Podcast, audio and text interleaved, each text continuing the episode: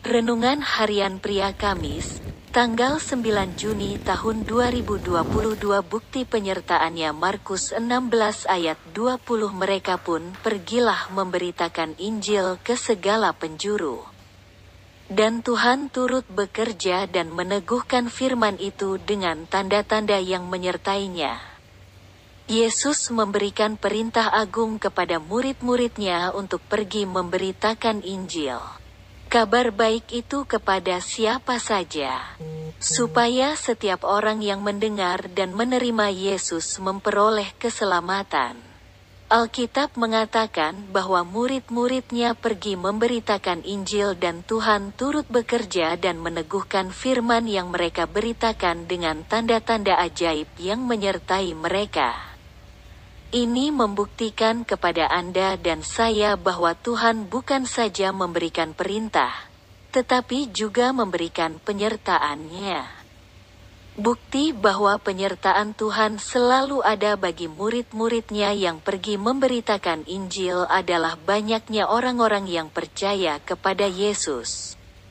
Dan bukti ini masih berlangsung sampai saat ini dan sampai selama-lamanya.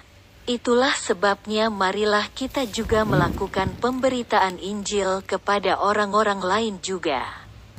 Ada banyak cara yang kita bisa pakai untuk memberitakan Injil kepada orang-orang lain.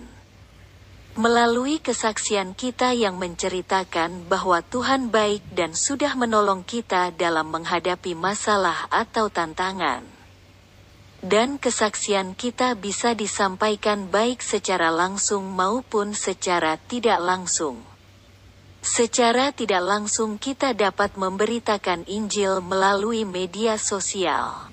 Mintalah hikmat Tuhan memberikan ide-ide kreatif kepada kita untuk memberitakan Injil kabar baik dari Tuhan kepada orang-orang lain dan saksikan serta alami pernyataan Tuhan dalam kehidupan kita ketika kita memberitakan Injil. Refleksi diri, apa yang firman Tuhan katakan kepada Anda?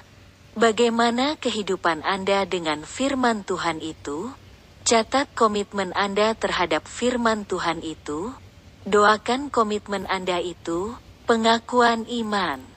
Dengan pertolongan Tuhan saya diberi hikmat Tuhan untuk memberitakan Injil kepada orang-orang lain.